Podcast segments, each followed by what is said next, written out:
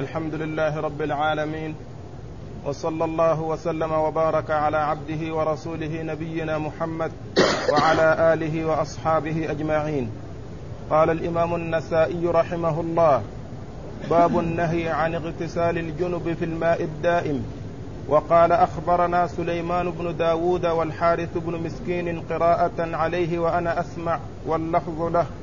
عن ابن وهب عن عمرو بن الحارث عن بكير أن أبا السائب أخبره أنه سمع أبا هريرة رضي الله عنه يقول قال رسول الله صلى الله عليه وسلم لا يغتسل أحدكم في الماء الدائم وهو جنب. بسم الله الرحمن الرحيم. الحمد لله رب العالمين وصلى الله وسلم وبارك على عبده ورسوله نبينا محمد وعلى آله وأصحابه أجمعين. أما بعد فهذه الترجمة من الإمام النسائي رحمة الله عليه وهي باب النهي عن الاغتسال آه، من الجنابة في الماء الدائم. نعم. باب. باب النهي عن اغتسال الجنب. باب النهي عن اغتسال الجنوب في الماء الدائم. المقصود بالماء الدائم هو الذي لا يجري أي الماء الواقف الساكن الذي لا يجري وهذا هو المقصود بالترجمة. وذلك أن اغتسال الجنب به يعني يلوثه وقد آه، يجعل غيره يكرهه يكره الاستفادة منه. وقد أورد فيه النسائي حديث أبي هريرة رضي الله عنه آه أن النبي عليه الصلاة والسلام آه قال لا يغتسل أحدكم في الماء الدائم وهو جنب. لا يغتسل أحدكم في الماء الدائم وهو جنب. فدل هذا على أن وقد جاء في بعض الروايات أنه سئل أبو هريرة رضي الله عنه فماذا يصنع؟ قال يغترف اغترافا يعني يتناول تناولا يعني من الماء الدائم ويغتسل.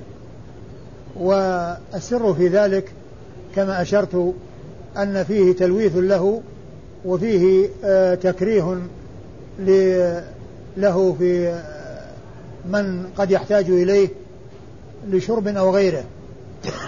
وهذا إذا كان الماء الدائم يعني ليس كثيرا جدا أما إذا كان كثيرا و كماء البحر أو غيره من المياه الكثيرة التي لا يؤثر فيها الانغماس فيها فهذا لا بأس به.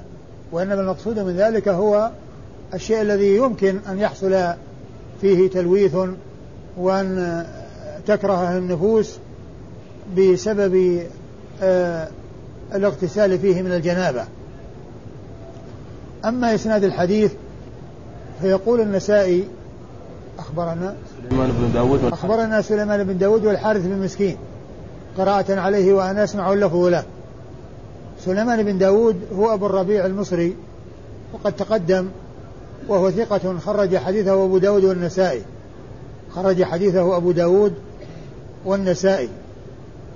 أما الحارث المسكين فهو أيضا مصري وهو ثقة وقد خرج حديثه أيضا أبو داود والنسائي.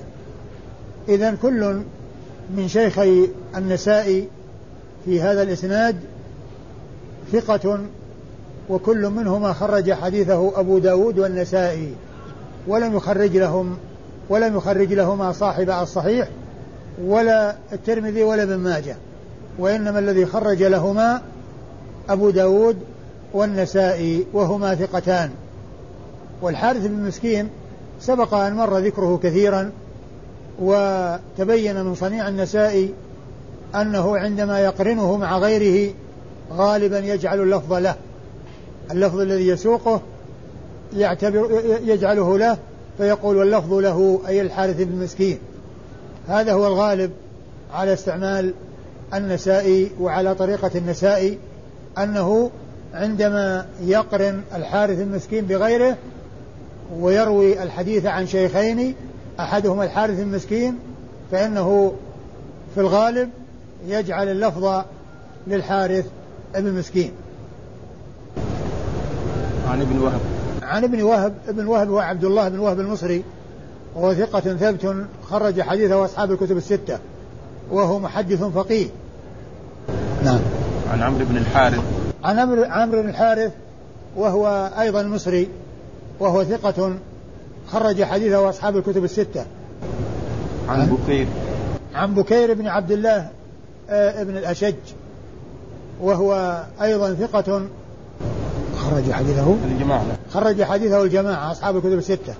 خرج حديثه أصحاب الكتب الستة. عن؟ عن أبي السائب. عن أبي السائب وهو مشهور بكنيته. وقيل هو عبد الله بن السائب المدني.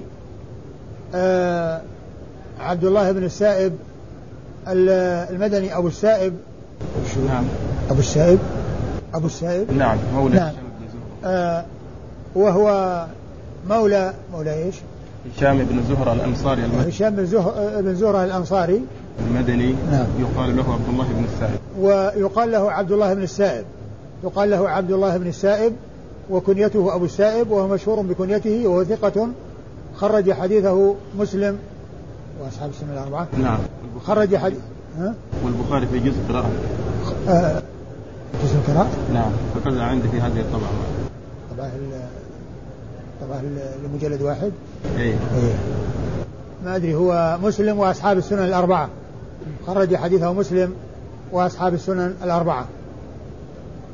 عن, عن أبي هريرة. عن أبي هريرة رضي الله تعالى عنه وهو الصحابي الجليل أكثر الصحابة على الإطلاق حديثا وهو آه، أحد السبعة المكثرين من رواية الحديث عن رسول الله صلى الله عليه وسلم وهو أكثر السبعة حديثا إذ أنه لم يروى عن أحد من الصحابة أكثر من ما روي عن أبي هريرة من الأحاديث رضي الله تعالى عنه وأرضاه وقد مر ذكره كثيرا. قال باب النهي عن البول في الماء الراكد والاغتسال منه. وقال أخبرنا محمد بن عبد الله بن يزيد المقرئ عن سفيان عن أبي الزناد عن موسى بن أبي عثمان عن أبيه عن أبي هريرة رضي الله عنه أن رسول الله صلى الله عليه وسلم قال لا يبولن أحدكم في الماء الراكد ثم يغتسل منه. ثم أورد النهي النسائي هذه الترجمة وهي النهي عن عن البول في الماء الراكد والاغتسال منه. لأن الترجمة السابقة تتعلق بالنهي عن الاغتسال فيه من الجنابة وهذه تتعلق بالنهي عن البول فيه والاغتسال منه. وذلك أن البول فيه يلوثه ويقذره ويجعله قذرا ثم كون الإنسان يعني يحتاج إلى أن يغتسل فيه ومع ذلك هو يبول فيه فإن هذا أيضا مما يزيده آه، تقذرا. وإنما لا يبول وإنما يبول خارج الماء وعند الاغتسال أيضا يتناول تناولا. كما جاء ذلك عن أبي هريرة رضي الله تعالى عنه في الحديث المتقدم. كما جاء في عن أبي هريرة في الحديث المتقدم أنه سئل وقيل ماذا يصنع؟ قال يتناول تناولا أي عندما يريد أن يغتسل. وهذا فيه النهي عن البول وكذلك أيضا كونه يعني يحتاج إلى الاغتسال فيه أو الاغتسال منه ويكون قد قدره على نفسه وعلى غيره. وهذا الكلام إنما هو في الماء الدائم الساكن الذي لا يجري. وأما الذي يجري فإنه يتغير ويعني ولا يسرع إليه الفساد مثل ما يحصل للماء الراكد الذي يعني آه الذي هو دائم ولا يجري ويتبدل ويتغير ويتحول من مكان إلى مكان ومن حال إلى حال. ف الرسول الكريم صلى الله عليه وسلم نهى عن البول في الماء الدائم وعن الاغتسال منه. وأما إسناد الحديث يقول محمد بن عبد الله بن يزيد المقرئ. يقول النسائي أخبرنا محمد بن يزيد بن عبد الله بن يزيد المقري ومحمد بن عبد الله بن يزيد المقري هذا آه، خرج له النسائي. وهو صدوق ولا ثقة؟ ثقة خرج له النسائي وابن ماجه. آه، هو ثقة خرج له النسائي وابن ماجه. ثقة خرج له النسائي وابن ماجه. عن عن سفيان. عن سفيان وسفيان هو ابن عيينة. سفيان هو ابن عيينة وسفيان بن عيينة آه سبق أن مر ذكره كثيرا وهو ثقة ثبت إمام حجة حافظ وحديثه عند أصحاب الكتب الستة. حديثه عند أصحاب الكتب الستة. عن أبي الزناد. عن أبي الزناد وأبو الزناد آه، هو عبد الله بن ذكوان. وأبو الزناد لقب. وأبو الزناد لقب لعبد الله بن ذكوان. أبو الزناد.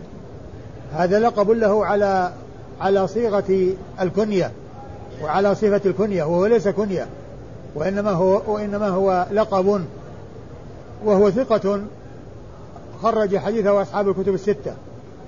عن موسى بن أبي عثمان. عن موسى ابن موسى ابن أبي عثمان وهو آه، مولى المغيرة بن شعبة ويقال له نعم. يقال له التبان. يقال له التبان. نعم. موسى بن أبي عثمان التبان وهو إيش قال عنه؟ مقبول. مقبول نعم. مقبول خرج حديثه البخاري في البخاري تعليقا والنسائي. البخاري تعليقا والنسائي. عن عن أبيه. عن أبيه أبو عثمان آه وهو التبان مولى المغيرة بن شعبة وهو أيضا مقبول. خرج حديثه البخاري تعليقا وأبو داود والنسائي وابن ماجه. الترمذي. بدل ابن ماجه. إيه. والبخاري تعليقا وأبو داود والترمذي والنسائي. ولم يخرج له ابن ماجه. عن أبي هريرة. عن أبي هريرة وهو صحابي الحديث الذي تقدم قبل هذا. قال باب ذكر الاغتسال أول الليل. وقال أخبرنا وقال أخبرنا عمرو بن هشام قال حدثنا مخلد عن سفيان عن أبي العلاء عن عبادة بن النسي عن غضيف بن الحارث أنه سأل عائشة رضي الله عنها أي الليل كان يغتسل رسول الله صلى الله عليه وسلم؟ قالت ربما اغتسل أول الليل وربما اغتسل آخره. قلت الحمد لله الذي جعل في الأمر سعة ثم أورد النسائي رحمه الله هذه الترجمة وهي الاغتسال أول الليل. يعني من الجنابة. الاغتسال أول الليل. يعني أن الترجمة معقودة. للاستدلال على الاغتسال أول الليل. وأورد فيه حديث عائشة رضي الله عنها أن غضيف بن الحارث سألها آه، عن اغتسال الرسول صلى الله عليه وسلم فقالت إنه ربما اغتسل من أول الليل وربما اغتسل من آخره. يعني معنى أنه يغتسل من أوله وآخره. فقال الحمد لله الذي جعل في الأمر سعة. يعني ما دام أن الرسول صلى الله عليه وسلم يغتسل في أول الليل وفي آخره ففي الأمر سعة. ويقول غضيف الحمد لله الذي جعل في الأمر سعة. يعني لم يجعل الأمر فيه ضيق وفيه آه إلزام في وقت معين بل الأمر في ذلك واسع. وفي بعض الروايات أنه قال الله أكبر الحمد لله الذي جعل في الأمر سعة. ففي ذلك في يعني صنيع غضيف بن الحارث التكبير عند حصول الأمور المستحبة والأمور السارة. وكذلك أيضا الثناء على الله عز وجل وحمده على تيسيره وعلى تخفيفه وكونه ما جعل على الناس في الدين من حرج بل سهل ويسر وخفف ولم يلزم بأن يكون الاغتسال له وقت معين لا يتعداه إلى غيره. ففيه ذكر التكبير عند الأمور السارة وحمد الله والثناء عليه عندما يحصل آه، أمر فيه تيسير وعندما يحصل أمر فيه تخفيف وحمد الله دائما وأبدا وهو المحمود سبحانه وتعالى على كل حال. لكن لما كان في الأمر تخفيف وسعة قال الحمد لله الذي جعل في الأمر سعة ولم يجعل علينا في الدين من حرج. وفي التكبير عند ذكر الأمور السارة دلالة على أن المعروف عن السلف من الصحابة ومن بعدهم أنهم عندما يأتي أمر يسر أو أمر آه، يتعجب منه أو أمر حسن فإنه يكبر الله عز وجل ويظهر الفرح بالتكبير والحمد لله عز وجل كما فعل غضيف بن الحارث في هذا الحديث لأنه قال هنا الحمد لله الذي جعل في الأمر سعة وفي بعض الروايات عند أبي داود أنه قال الله أكبر الحمد لله الذي جعل في الأمر سعة وهذا فيه دليل على أن ما شاع في هذا الزمان وانتشر من حصول التصفيق عند ذكر أمر يسر أن هذا من الأمور المنكرة والأمور المحدثة التي هي خلاف السنة وإنما السنة هي حصول التكبير عند ذكر الأمور السارة. وقد جاء ذلك عن الصحابة رضي الله عنهم وأرضاهم في بعض الأحاديث كما حصل من البشارة التي حصلت من رسول الله عليه الصلاة والسلام. قال أرجو أن تكونوا نصف أهل الجنة أو ثلث أهل الجنة. فعند ذلك يقول الصحابة الله أكبر. يعني سرورا وابتهاجا وفرحا. وكذلك عمر رضي الله عنه لما جاء إلى الرسول عليه الصلاة والسلام في قصة اعتزال النبي صلى الله عليه وسلم نساءه وما شاع من أنه طلقهن وأن أو أن الصحابة تأثروا وحزنوا لما حصل لرسول الله صلى الله عليه وسلم من الغضب والموجدة وما شاع أنه طلق نساءه فجاء عمر إليه وهو في آه، مكان آه، قد جلس فيه فسأله وقال يا رسول الله طلقت نساءك؟ قال لا. قال الله أكبر.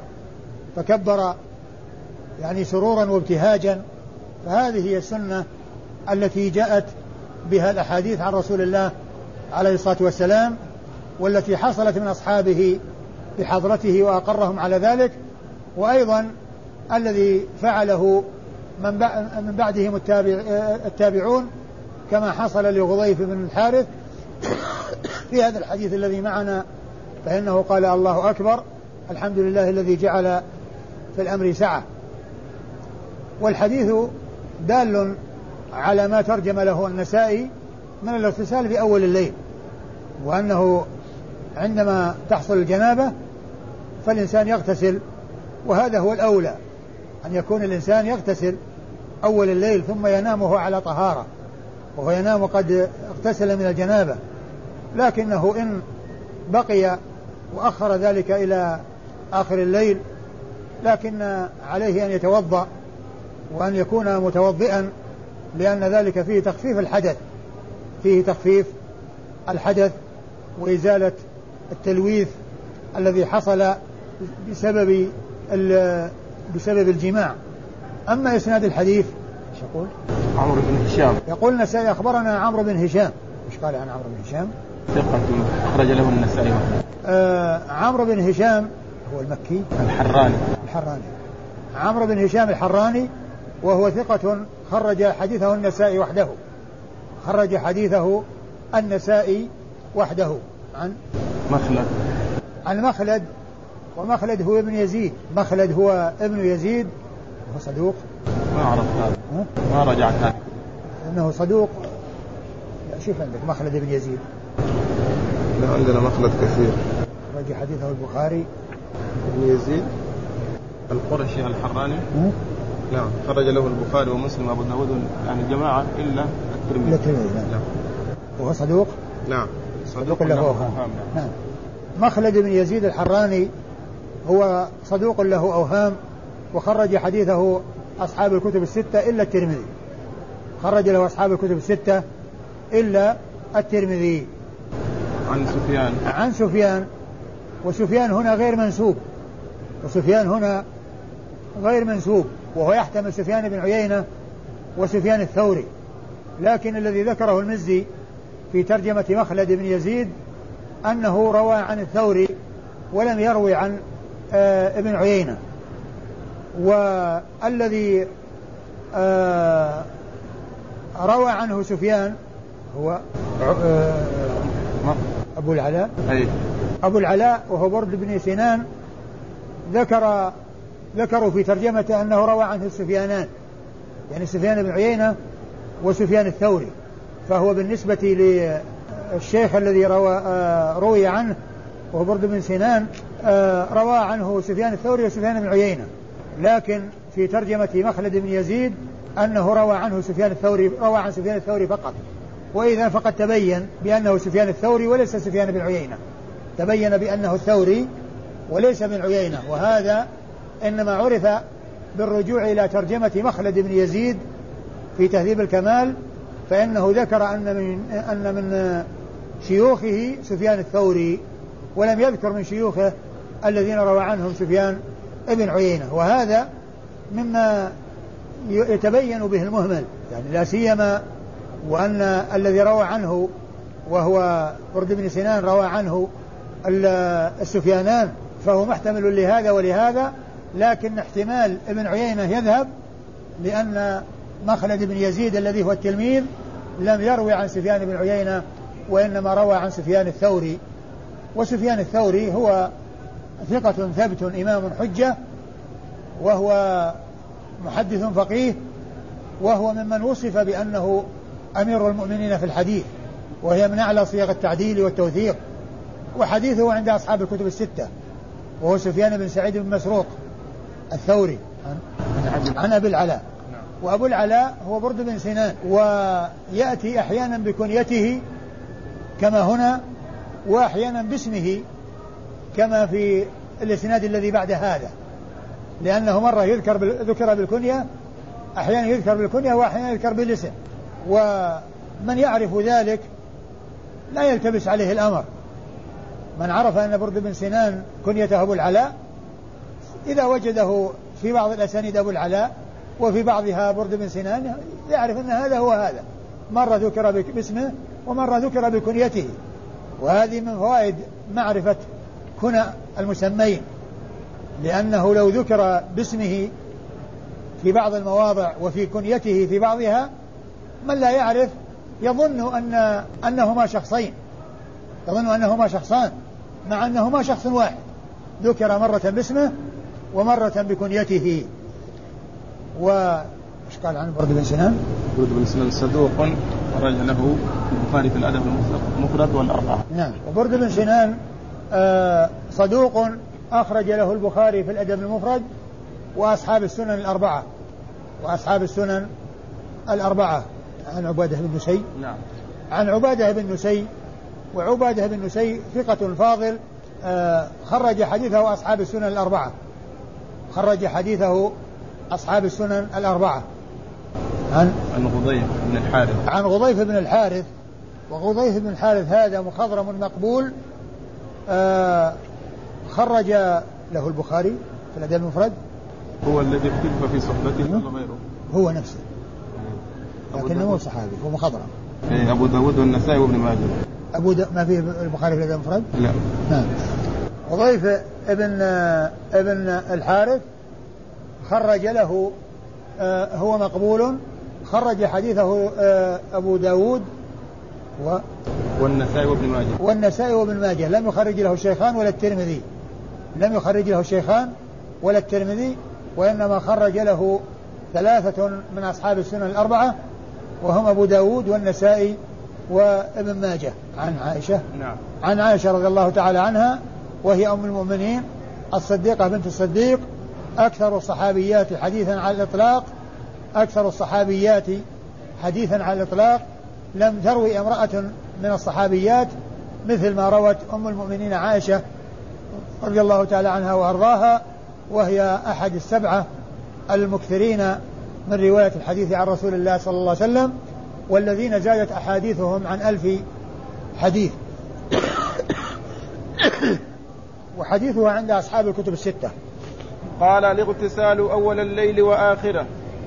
وقال أخبرنا يحيى بن حبيب بن عربي قال أخبرنا حماد عن برد عن عبادة بن النسي عن غضيف بن الحارث. قال دخلت على عائشة رضي على عائشة رضي الله عنها. فسألتها قلت أكان رسول الله صلى الله عليه وسلم يغتسل من أول الليل أو من آخره؟ قالت كل ذلك ربما اغتسل من أوله وربما اغتسل من آخره. قلت الحمد لله الذي جعل في الأمر ساعة.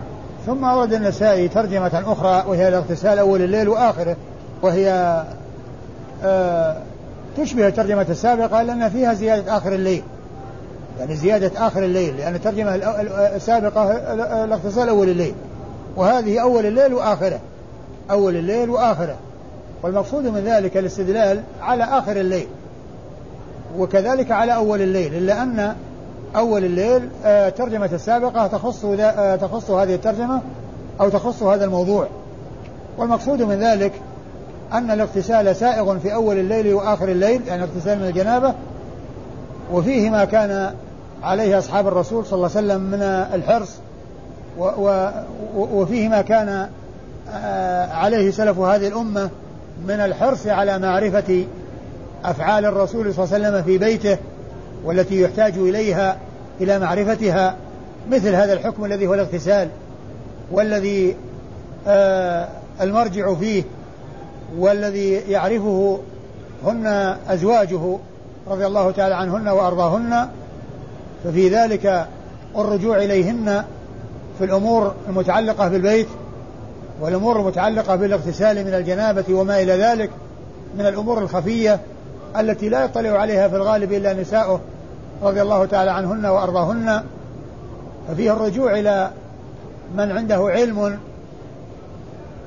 أو مظنة من يكون عنده علم في المسألة ثم أيضا فيه حرص السلف على معرفة أفعال الرسول صلى الله عليه وسلم التي لا يطلع عليها إلا أهله ونساؤه صلوات الله وسلامه وبركاته عليه وفيه أن الاغتسال من الجنابة سائغ في أول الليل وآخر الليل لكن إذا أخر إلى آخر الليل فينبغي أن يكون أن يكون أن يتوضأ فيخفف الحدث وأيضا يزيل ما هناك من تلوث بسبب الجماع. وأما إسناد الحديث تقول نسائي أخبرنا يحيى يحيى بن حبيب بن عربي وهو ثقة خرج حديثه مسلم وأصحاب السنن الأربعة وقد مر ذكره كثيرا. عن حماد نعم. عن حماد وهو بن زيد لأنه ذكر في ترجمة يحيى بن حبيب بن عربي أنه روى عن حماد بن زيد. وأما في ترجمة برد بن سنان فقد ذكر أنه روى عنه الحمادان كما روى عنه السفيانان. وذكرت أن في الإسناد الذي قبل هذا أن سفيان عرف بأنه الثوري لأن المزي لم يذكر أنه روى أنه أن مخلد بن يزيد روى عن سفيان بن عيينة وإنما روى عن سفيان الثوري. فتعين أنه المهمل. كذلك هنا بالنسبة لحماد لأنه أهمل هنا وبرد بن سنان ذكروا في ترجمة أنه روى عنه الحمادان حماد بن زيد وحماد بن سلمة. لكن في ترجمة يحيى بن حبيب بن عربي في تهذيب الك... تهذيب التهذيب قال إنه روى عن سفيان أنه روى عن حماد بن زيد وما ذكر حماد بن سلمة. وحماد بن زيد ثقة ثبت خرج حديثه أصحاب الكتب الستة. عن برد. نعم. وهو ابن سنان وهو أبو العلاء لأنه هنا ذكر باسمه وفي الإسناد السابق ذكر بكنيته. وهو هو مثل مثل أبو وائل شقيق بن سلمة. أحيانا يأتي شقيق بن سلمة وأحيانا يأتي أبو وائل. وهو هو يذكر بكنيته أحيانا ويذكر باسمه أحيانا. وهنا أبو العلاء برد بن سنان يذكر بكنيته أحيانا ويذكر باسمه أحيانا وهو شخص واحد. وبقية الإسناد هو إسناد هو هم رجال آه، أو رواة إسناد الحديث الذي قبل هذا. والله تعالى أعلم وصلى الله وسلم وبارك على عبده ورسول نبينا محمد وعلى آله وأصحابه أجمعين.